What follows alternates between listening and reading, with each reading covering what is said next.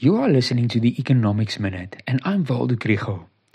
I wanted to talk about policy uncertainty today, but decided instead to talk about something fun and interesting, like how artificial intelligence, or rather AI, is changing the world of work. This episode is supported by the NWU Business School.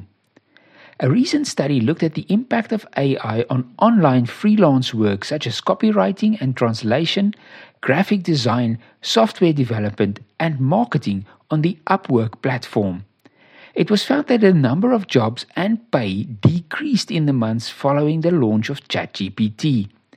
Of particular concern is that more skilled freelancers who typically had more work opportunities and earned more were not immune from AI competition. A Harvard study randomly assigned Boston Consulting Group consultants so that some use ChatGPT in their work and others do not. Those who got help from AI completed their work 25% faster and completed 12% more tasks. The quality of their work was 40% better than that of, their colleagues who did not use AI. The consultants who started with weaker skills improved the most.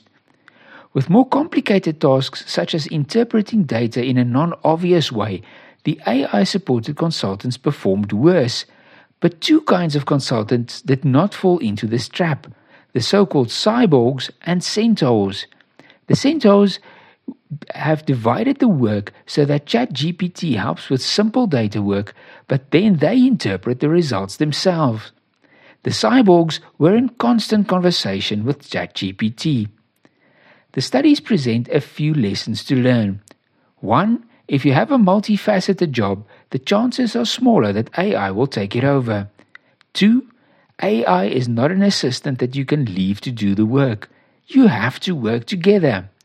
Make it one of your resolutions for 2024.